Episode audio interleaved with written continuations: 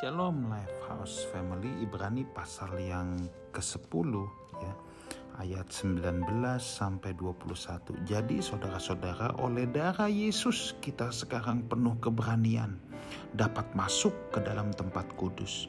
Karena ia telah membuka jalan yang baru dan yang hidup bagi kita melalui tabir yaitu dirinya sendiri.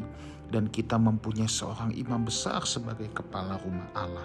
Saudaraku, zaman dulu ketika bangsa Israel masih beribadah di Bait Allah, Bait Allah itu dibagi, saudara ya.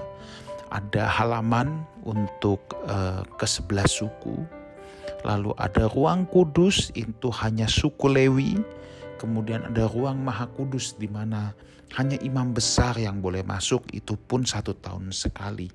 Dan di antara ruang maha kudus dan ruang kudus itu ada yang disebut dengan tabir bait Allah, ada tirai. Ini orang nggak boleh sembarangan masuk saudara. Sebelah suku nggak boleh masuk ke ruang kudus. Ruang kudus hanya boleh Lewi. Nah Lewi pun nggak boleh sembarangan masuk ke ruang maha kudus. Hanya satu orang yang sedang dipilih sebagai imam besar ya. Yang bertugas dan itu pun satu tahun hanya satu kali boleh masuk. Tetapi saudaraku di sini Yesus telah menjadi imam besar bagi kita. Orang zaman dulu nggak berani sembarangan masuk. Kalau masuk dia bisa mati, saudara. Kalau masuk ke ruang kudus sembarangan dia bisa mati. Bahkan imam besar yang bertugas pun diberikan lonceng pada kakinya. Kenapa? Karena ketika dia mau masuk dia harus betul-betul menguduskan dirinya dulu. Lonceng di kakinya itu sebagai penanda kalau dia masih hidup.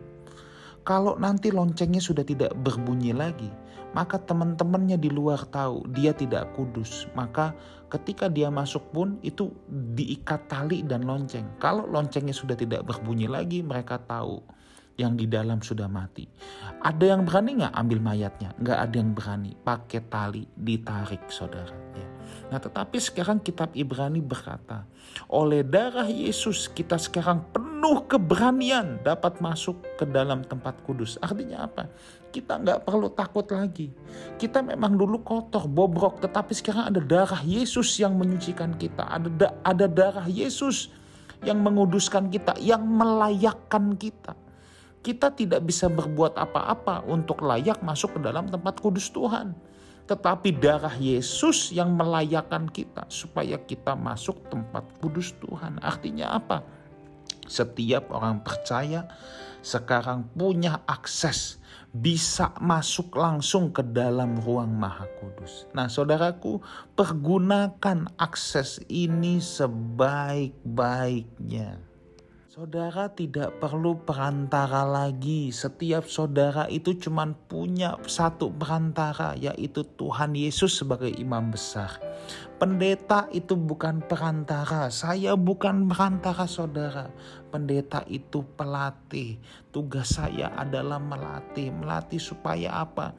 Supaya saudara bisa tajam dalam menangkap isi hati Tuhan. Ya, saudara harus masuk ke dalam ruang kudus itu sendiri. Dan saudara tidak perlu takut ketika masuk itu. Masuk dengan penuh keberanian. Alasannya hanya satu darah Yesus telah menebus kita. Saudaraku, mari bersekutulah dengan Tuhan. Ya, jangan ketemu Tuhan tunggu hari Minggu satu jam setengah dua jam di gereja ada apa-apa berdoa sama Tuhan. Nggak perlu pakai minta-minta didoakan. Saling mendoakan itu perlu. Minta didoakan sebenarnya tidak salah, tapi tergantung motifnya. Kalau minta didoakan karena kita berpikir orang yang mendoakan kita punya akses VIP dengan Tuhan, itu yang salah saudara.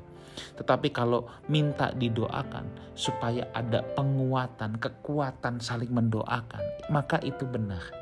Tapi kalau dipikir saudara minta saya doakan ya supaya lebih manjur, saya lebih bisa membujuk Tuhan, itu salah besar.